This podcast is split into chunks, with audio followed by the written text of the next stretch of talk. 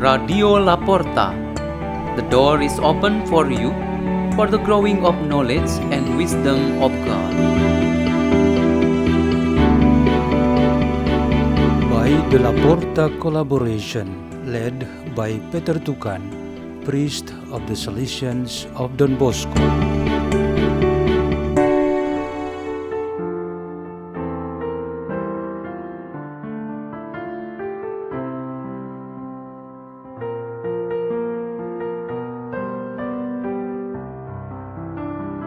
Readings and meditation on the Word of God on the Sunday of the Lord's Baptism, January 10, 2021.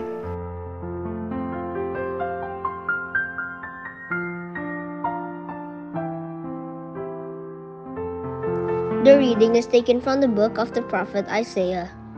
Thus says the Lord All you who are thirsty, come to the water. You who have no money, come receive grain and eat. Come without paying and without cost. Drink wine and milk. Why spend your money for what is not bread, your wages for what fails to satisfy? Heed me, and you shall eat well.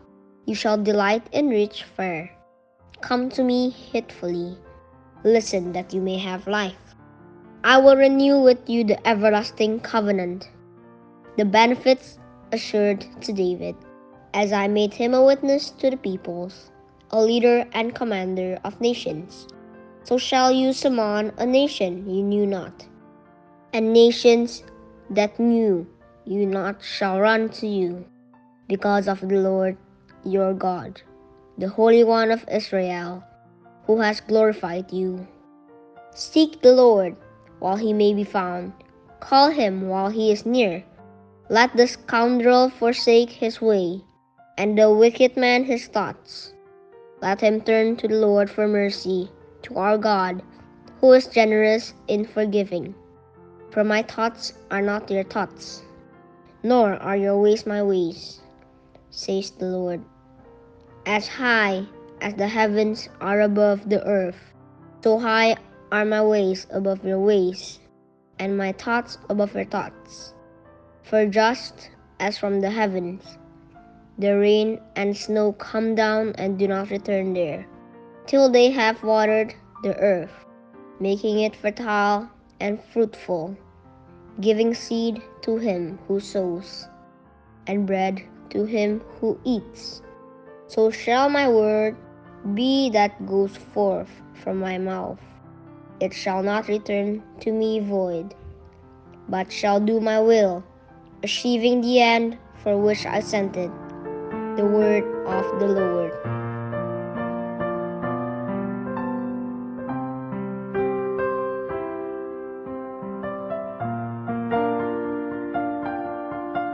The reading is taken from the first letter of St. John.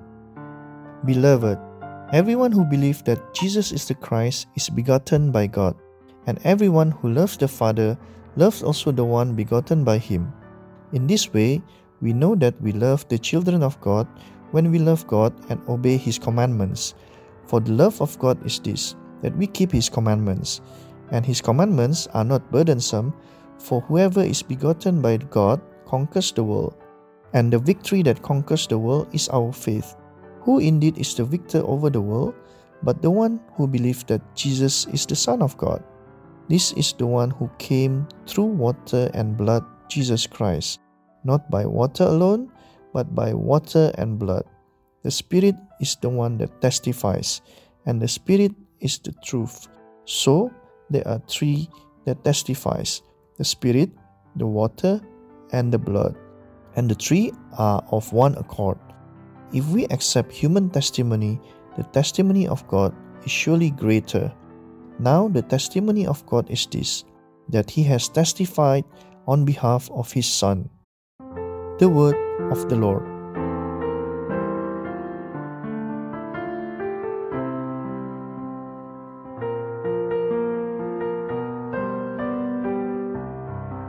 The Gospel of Jesus Christ according to Mark chapter 1 verse 7 to 11. This is what John the Baptist proclaimed One mightier than I is coming after me. I am not worthy to stoop and loosen the thongs of his sandals. I have baptized you with water, he will baptize you with the Holy Spirit. It happened in those days that Jesus came from Nazareth of Galilee and was baptized in the Jordan by John. On coming up out of the water, he saw the heavens being torn open, and the Spirit like a dove descending upon him.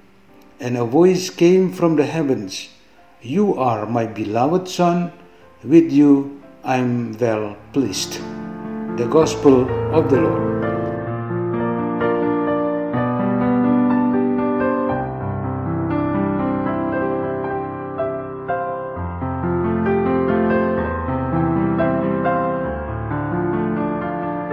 Meditation for the Sunday of the Lord's baptism has the theme Baptism, Asking, Receiving, and Sharing. We celebrate the baptism of the Lord Jesus Christ to end the Christmas season and to bring us to our routine daily lives in ordinary time. There was a teenager asked me last night in a WhatsApp conversation, Jesus is the Lord. Does he need to be baptized?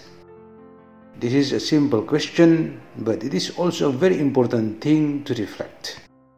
The very obvious answer should be because, as a human person and his mission to be united with us, he came also to John the Baptist for receiving the baptism.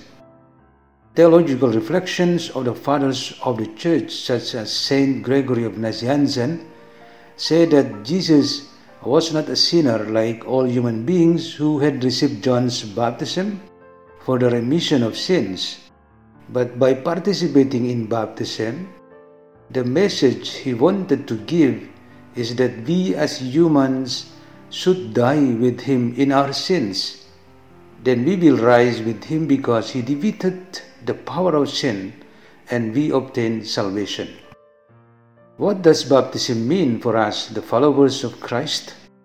Basically, the baptism of Jesus went through an orderly pattern, and we are obliged to follow that pattern. This pattern is called asking, receiving, sharing. Baptism is a necessity of asking. We ask what we mostly need. With the light of the Word of God, especially through the preaching of John the Baptist, we are called and need baptism. This aspect is a legal process that includes preparation, instruction or lessons, rituals, and the sacrament. In short, baptism gives us the meaning that whoever wants to enter into any institution or a game, he or she must comply with its formal process.